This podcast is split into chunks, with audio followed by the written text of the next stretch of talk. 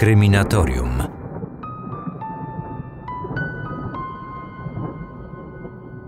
Ostatnio ktoś mnie zapytał, kiedy zacząłem interesować się taką tematyką. Czy pamiętam może jakiś przełomowy moment, który wciągnął mnie w świat tych mrocznych, kryminalnych opowieści? Pomimo tego, że obecnie chyba najbardziej ciekawią mnie sprawy z okresu PRL i takim historiom poświęcam też najwięcej uwagi, to chyba największy niepokój wzbudzają u mnie historie z końcówki lat 90. To był okres, kiedy byłem dzieckiem, kiedy oglądałem programy kryminalne w telewizji i bałem się, że ci wszyscy źli przestępcy, którzy dokonali strasznych czynów i nie zostali schwytani, pewnego dnia zapukają także do drzwi mojego mieszkania. Takie miałem obawy jako dziecko. Teraz z tego wyrosłem, ale te sprawy z przełomu wieku wciąż siedzą mi w głowie i podświadomie takich historii chyba najbardziej się boję. Podobno pani nie jest stąd. Jakie to ma znaczenie? Kolosalne. A dlaczego o tym mówię? Jestem świeżo po seansie serialu Royst 97 na Netflixie. Jak wskazuje sam tytuł, akcja historii rozgrywa się właśnie pod koniec lat 90. Według słownika, Royst oznacza miejsce bagniste. Słowo z tytułu idealnie więc pasuje do fabuły tej produkcji. W roku 97 Polska wciąż kształtowała się jeszcze po zmianach ustrojowych. Była korupcja, dochodziło do brutalnych porwań dla okupu, dużą rolę odgrywała mafia oraz skorumpowane służby. Poza tym akcja serialu rozgrywa się zaraz po wielkiej powodzi, która nawiedziła nasz kraj w 97 roku. Ciężkie czasy. Równolegle do wydarzeń z tych pełnych chaosu lat 90. w serialu widzimy także sceny, które miały miejsce pod koniec II wojny światowej. Te dwie epoki przenikają się przez cały serial. Połączenie dwóch czasowych linii narracyjnych to zawsze duże wyzwanie. Według mnie tutaj się to udało. W Rojście 97 pojawia się też wątek opowieści o ziemiach odzyskanych na zachodzie Polski o tym, jak wydarzenia z przeszłości wpłynęły na niektórych z naszych serialowych bohaterów. A możecie mi wierzyć, że praktycznie każda z głównych postaci serialu ma swoje grzechy na sumieniu i razem z bohaterami zastanawiamy się, w jaki sposób te winy można jeszcze odkupić. Cała historia opowiedziana w Rojście 97, cała ta intryga kryminalna wpleciona w fabułę, gra aktorska, jak i ogólny klimat tej opowieści zrobiły na mnie duże wrażenie. A po seansie, szczególnie w pamięci utkwiło mi niewiarygodne wręcz odwzorowanie lat 90. Cofnąłem się w czasie. Autentycznie, muzyka, ubiór, rekwizyty, te kasety wideo, wkręcające się taśmy w magnetofon. Każdy element scenografii, każda scena w tym serialu to kwintesencja końcówki lat 90. I jeszcze do tego ten motyw dziennikarskiego śledztwa, który zawsze w filmach i w serialach bardzo mi się podobał. Nieustępliwym dziennikarzem jest oczywiście redaktor naczelny lokalnej gazety, Piotr Zarzycki, grany przez Dawida Ogrodnika.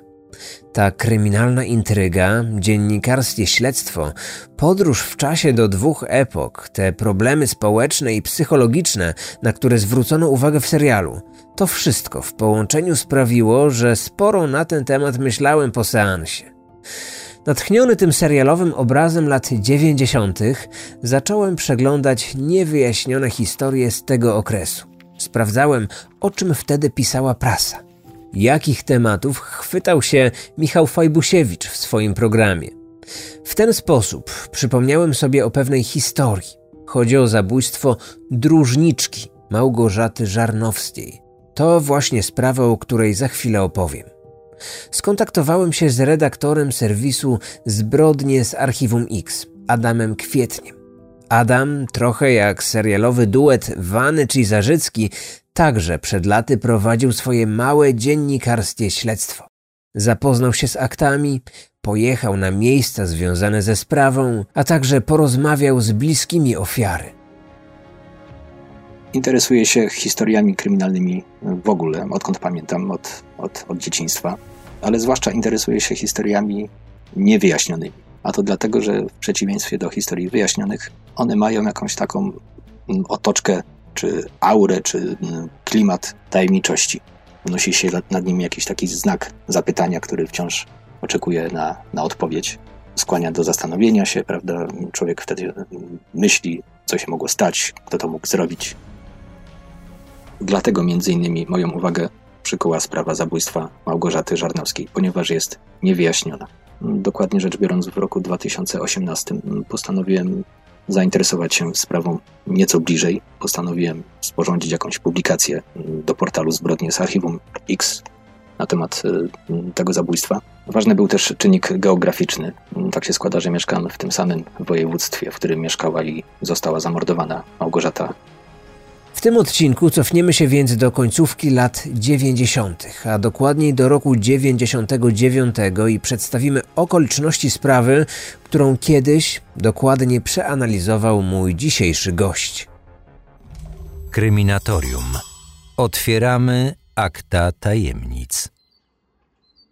Miejscem akcji dla naszej historii jest miejscowość Czerwionka Leszczyny. To miasteczko liczące około 30 tysięcy osób. Znajduje się jakieś 30 km na południowy zachód od Katowic w województwie śląskim. Tam, razem z mężem i małym synkiem, mieszkała 25-letnia Małgorzata. Kobieta pracowała w nastawniach kolejowych niedaleko kopalni Dębieńsko. Była dróżniczką, do jej obowiązków należało więc kontrolowanie bezpieczeństwa na trasie kolejowej oraz zapisywanie godzin przejeżdżających pociągów. Czasami pracowała w ciągu dnia, a czasami nocą. Zazwyczaj pracowała w innej nastawni, a do budynku oznaczonego symbolem KD1 poszła wyjątkowo w zastępstwie koleżanki. Małgorzata w nastawni zazwyczaj była sama, zamknięta od środka. Wcześniej nie dochodziło na tym terenie do niebezpiecznych sytuacji.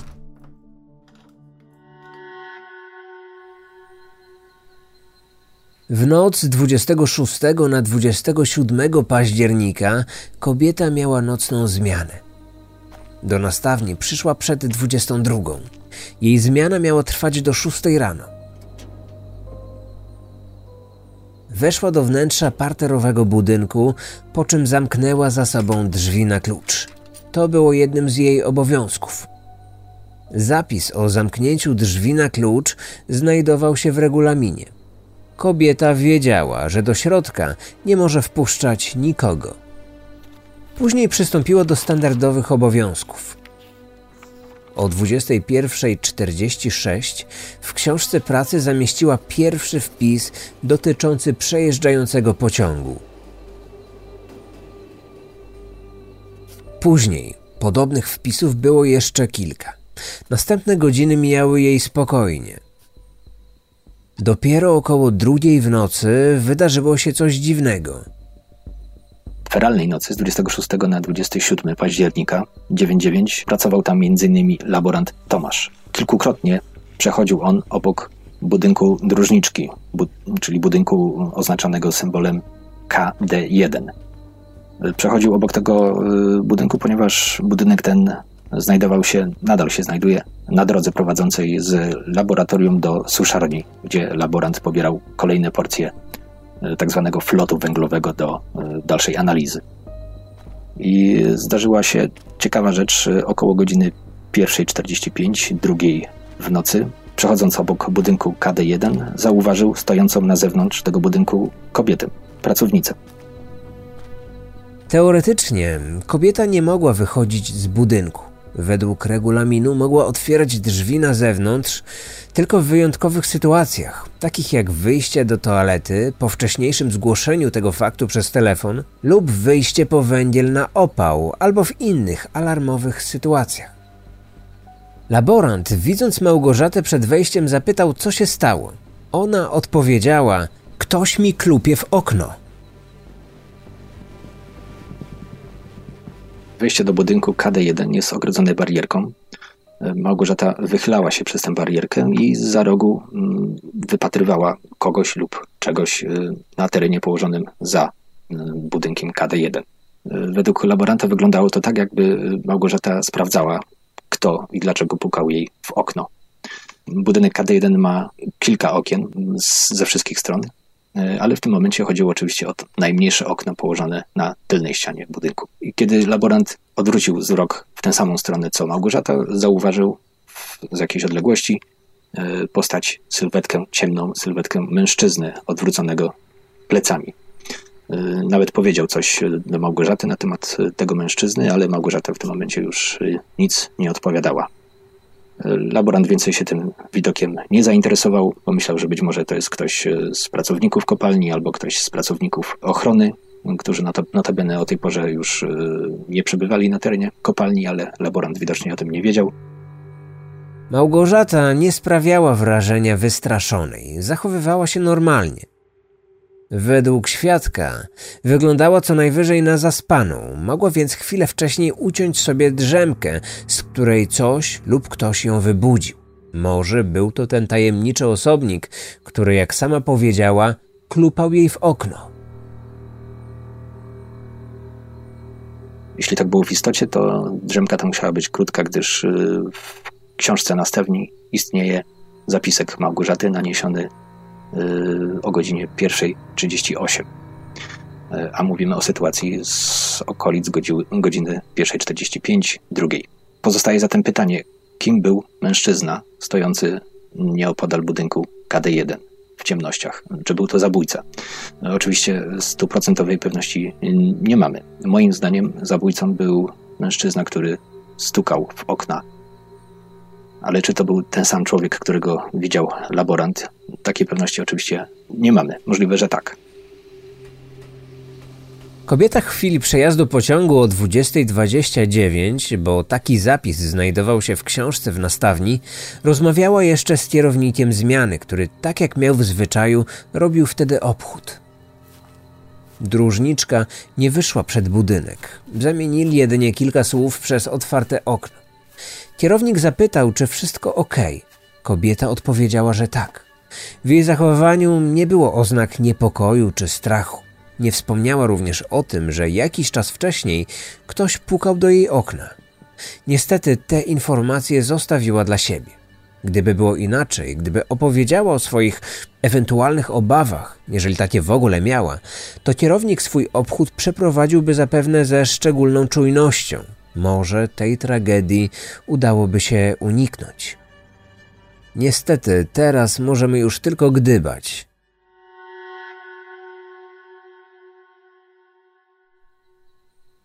Dzięki temu, że ostatni wpis o przejeżdżającym pociągu Małgorzata zapisała o 2.29, jesteśmy w stanie z całkiem dużą dokładnością oszacować, kiedy najprawdopodobniej doszło do ataku.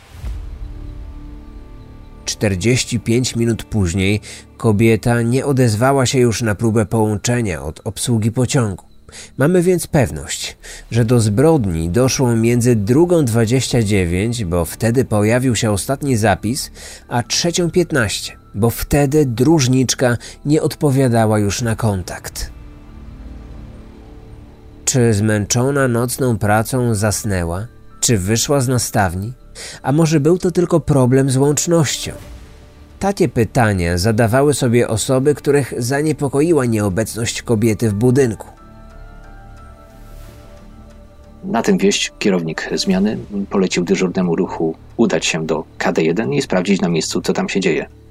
Dyżurny ruchu przyszedł do KD1, wszedł do środka i rzeczywiście potwierdził, że w budynku nie ma Małgorzaty.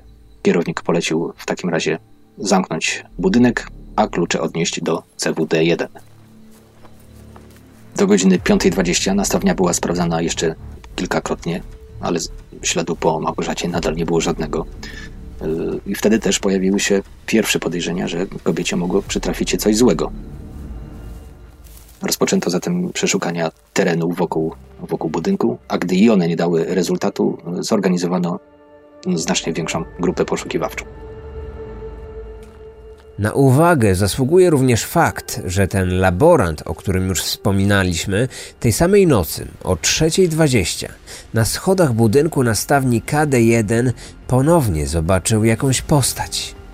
Laborant widział jeszcze kogoś, jakąś postać stojącą na schodkach budynku KD1 o godzinie 3.20, ale widział tę postać z dosyć dużej odległości w ciemnościach, z odległości około 50 metrów i nie był później w stanie stwierdzić, co to była za postać, czy to była Małgorzata, czy, czy ktoś inny, czy kobieta, czy mężczyzna. Nie wiedział. Około godziny 3.45, a więc mniej więcej dwie godziny po rozmowie z Małgorzatą, laborant poszedł po kolejną porcję flotu węglowego do analizy. I kiedy przechodził obok budynku KD1, zauważył lekko uchylone drzwi do tego budynku. Kobiety już nie widział, wewnątrz budynku panowały ciemności. Laborant poszedł do suszarni, po chwili wracał tą samą drogą i został taki sam widok. Lekko uchylone drzwi, ciemność i żywego ducha w okolicy. Poszukiwania trwały jeszcze przez kilka godzin, ale zarówno w pomieszczeniu, jak i poza nim nie odkryto żadnych śladów, które mogłyby pomóc w odpowiedzi na pytanie, gdzie jest kobieta, co się z nią stało i co najważniejsze, czy jest bezpieczna. Dopiero około siódmej nad ranem, w odległości około 70 metrów od nastawni, odnaleziono ciało. Kobieta została zamordowana. Na miejsce oczywiście od razu wezwano służby. Nie mamy właściwie stuprocentowej pewności, że ten mężczyzna, który pukał w okno budynku około drugiej w nocy, to późniejszy zabójca. Oczywiście wiele na to wskazuje, ale teoretycznie mógł to być tylko zbieg okoliczności. Fakt jest jednak taki, że na drzwiach nastawni nie znaleziono śladów świadczących o włamaniu. Czy kobieta wpuściła swojego oprawcę do środka dobrowolnie? Może on skorzystał z okazji, gdy ta wyszła na chwilę na zewnątrz, aby się przewietrzyć. Może użył podstępu. To jedno z najważniejszych pytań w tym śledztwie. Profiler policyjny sporządził portret psychologiczny zabójcy Małgorzaty Żarnowskiej i z profilu tego wynika, że napastnik i ofiara nie znali się. Yy, mogli się znać co najwyżej, jak to mówią, z widzenia. Przeczyłoby to tezie dosyć często spotykanej na różnego rodzaju forach internetowych, że Małgorzatę zamordował yy, ktoś z jej znajomych. No bo skoro ona otworzyła te drzwi dobrowolnie, śladów włamania nie było, no to widocznie mm, zaatakował ją któryś z jej znajomych. A jak było naprawdę, y, tego, tego nie wiemy. Małgorzata mogła przecież te drzwi otworzyć y, z różnych powodów, na przykład pod pretekstem, jakimś wymyślonym pretekstem sytuacji alarmowej, a mogło być też tak, że mm, to stukanie do okna było uporczywe, powtarzające się i ona po raz kolejny wyszła na zewnątrz, żeby sprawdzić, co się dzieje. Sprawca ataku mm, bardzo dobrze zdawał sobie sprawę, że w każdej chwili może zostać nakryty y, na gorącym uczynku przez osoby postronne. Postanowił więc wynieść czy wywlec y, ciało Małgorzaty w miejsce ustronne. Y, Małgorzata jeszcze żyła, kiedy przeciągał ją do położonych kilkadziesiąt metrów dalej ruin starego silosu. Później na tej trasie znaleziono m.in. spinkę do włosów Małgorzaty.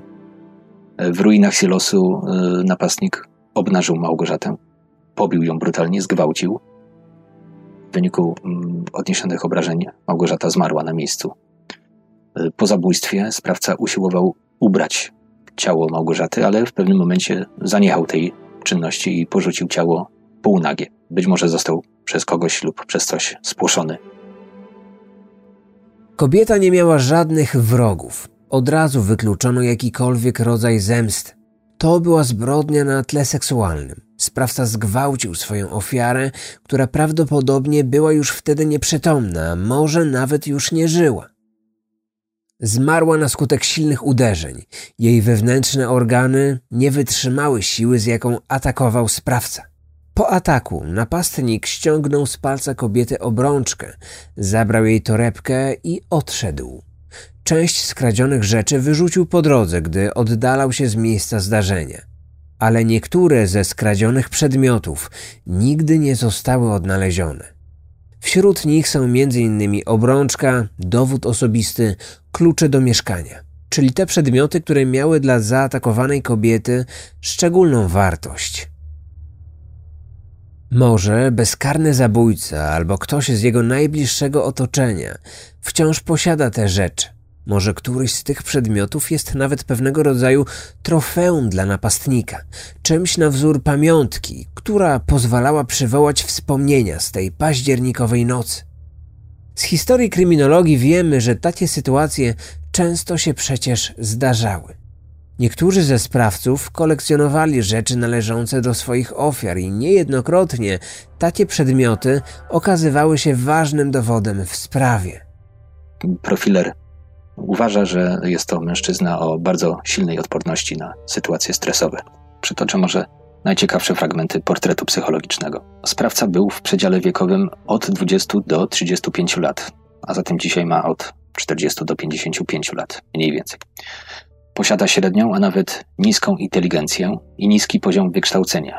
Pochodzi z rejonu, na którym dokonano zbrodni. Czuje się tam dobrze, bezpiecznie. Prawdopodobnie zna również teren kopalni, na którym rozegrała się tragedia. Bywał tam wcześniej.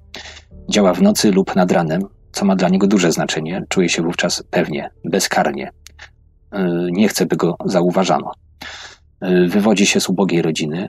Rodzina, w której się wychowywał, nie funkcjonowała prawidłowo. W okresie dzieciństwa dorastał pełnym sprzeczności systemie wychowawczym. Na przykład matka zakazywała czegoś, a ojciec ten zakaz uchylał. Sam prawdopodobnie posiadał w momencie zdarzenia własną rodzinę lub stałą partnerkę. Prawdopodobnie ma starsze rodzeństwo. Po dokonanym zabójstwie tylko minimalnie zmienił swoje zachowanie. Zbrodnię tę popełnił, znajdując się w stanie szału. Występują u niego zaburzenia psychiczne, cechuje go osobowość antyspołeczna. Nie akceptuje wielu norm współżycia społecznego. W dotychczasowym okresie życia odrzucany przez kobiety, mało atrakcyjny fizycznie, ma niechlujny wygląd. Prawdopodobnie nie było to jego pierwsze przestępstwo. Sam akt zabójstwa stanowił dla niego ekwiwalent stosunku seksualnego. Zabójstwo podniecało go seksualnie. Dalej profiler twierdzi, że po jakimś czasie mężczyzna ten prawdopodobnie powrócił na miejsce zdarzenia i w fantazji y, próbował je zrekonstruować, y, to znaczy przeżyć jeszcze raz to samo co w feralnej nocy. Profiler wnioskował także, że ten mężczyzna w swoim środowisku i zakładzie pracy może cieszyć się dobrą opinią.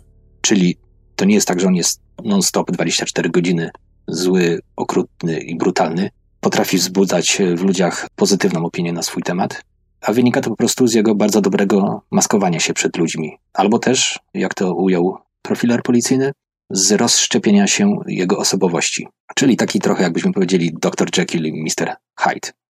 Jeżeli tak jest, to nikt go pewnie nie podejrzewa o tak brutalną zbrodnię. Może być także w minimalnym stopniu zainteresowany doniesieniami na temat tej sprawy, które pojawiają się w mediach.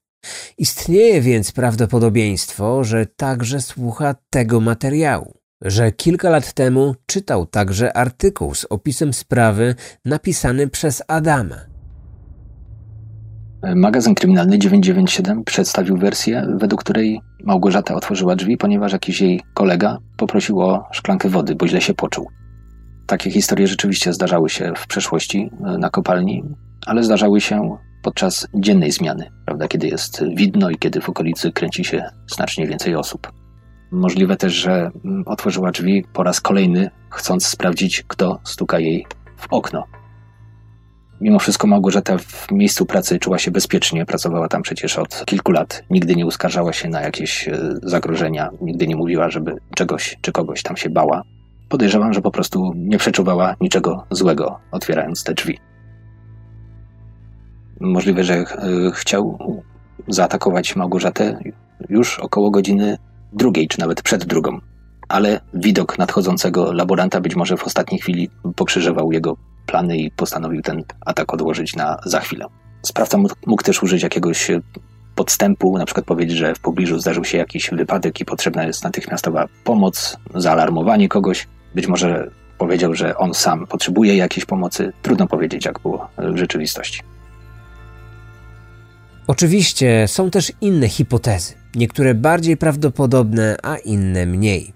Kobieta mogła wyjść do toalety, której nie było w nastawni. Teoretycznie takie wyjścia powinna zgłaszać telefonicznie, ale może tym razem z niewiadomych przyczyn tego nie zrobiła i właśnie wtedy została zaatakowana. Może wyszło na zewnątrz po węgiel albo aby wynieść popiół. W telewizyjnym biurze śledczym to taki program kryminalny, który leciał na Polsacie 20 lat temu, także omawiano te sprawy. Tam, w tej inscenizowanej wersji, przedstawiono hipotezę, że ktoś nakłonił ją pod jakimś pretekstem do otwarcia drzwi, a następnie wszedł do środka. Według telewizyjnej inscenizacji była to osoba, którą Małgorzata raczej znała. Z rodziną Małgorzaty odbyłem długą, interesującą, ale przygnębiającą rozmowę. E, mimo to nie poczyniłem w trakcie tej rozmowy żadnych swoich ustaleń, które byłyby nieobecne w aktach śledztwa, czy o których nie wiedziałaby prokuratura czy policja. Między innymi zapytałem rodzinę Małgorzaty, czy podejrzewają kogoś, jakiegoś człowieka o związek z zabójstwem, czy mają jakieś swoje typy, kto mógł to zrobić, albo czy spotkali się z jakimiś pogłoskami, informacjami yy, wskazującymi na konkretną osobę. Ale odpowiedzieli, że niestety nie, nie mają żadnych własnych przypuszczeń, nikogo konkretnego yy, nie podejrzewają. Od sprawy w tym roku mijają 22 lata. Czy jest szansa, że kiedykolwiek doczekamy się wyjaśnienia? Jak najbardziej. Ostatnie doniesienia o sukcesach Archiwum X pozwalają mieć nadzieję, że sprawca w końcu zostanie odnaleziony. Jest na to tym większa szansa, ponieważ śledczy dysponują mocnymi dowodami. Na miejscu przestępstwa zabezpieczono ślady DNA, które najprawdopodobniej zostawił sprawca. Wystarczyłoby więc tylko poprawnie wytypować osobę, która dopuściła się tego przestępstwa, a potem porównać jej profil z zabezpieczonym śladem na miejscu zbrodni. Sprawca prawdopodobnie zostawił po sobie inny, ciekawy ślad. Na szybie w oknie nastawni odbił się kształt małżowiny usznej. Może po zabójstwie napastnik zbliżył się do okna, chciał posłuchać, czy w pobliżu nikt się nie kręci, bo ślad odbił się od wewnątrz.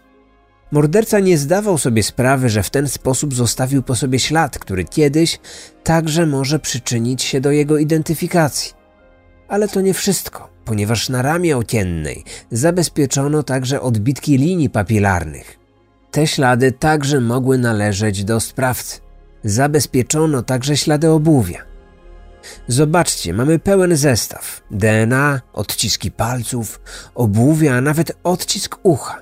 Ale co z tego, skoro jak dotąd nie udało się wskazać osoby powiązanej z tą sprawą? Nie ma więc do kogo tych śladów przyrównać. Może kiedyś na komendzie zgłosi się świadek, który poda dane mordercy. A może zabójca wpadnie w inny sposób. Może dokona innego przestępstwa, za które zostanie zatrzymany. I dopiero wtedy śledczy, wbijając do bazy jego dane, zobaczą, że ktoś taki ponad 20 lat temu dokonał brutalnej zbrodni. Na taki obrót sprawy musimy jeszcze poczekać. Oczywiście bardzo wierzymy w taki scenariusz. Ja dziękuję Adamowi za udział w tym odcinku oraz za to, że kiedyś poświęcił wiele pracy i czasu na to, aby tę sprawę szczegółowo przedstawić. Tyle ode mnie, a właściwie od nas. Dzięki za wysłuchanie tego materiału do samego końca. Oczywiście zapraszam Was e, w nadchodzący poniedziałek na nowy odcinek Kryminatorium, który pojawi się z samego rana na wszystkich aplikacjach podcastowych oraz na YouTube prawdopodobnie. A także przypominam Wam o premierze nowego serialu na Netflixie. Chodzi oczywiście o Royst 97. Bardzo udana produkcja, sprawdźcie koniecznie. Do usłyszenia.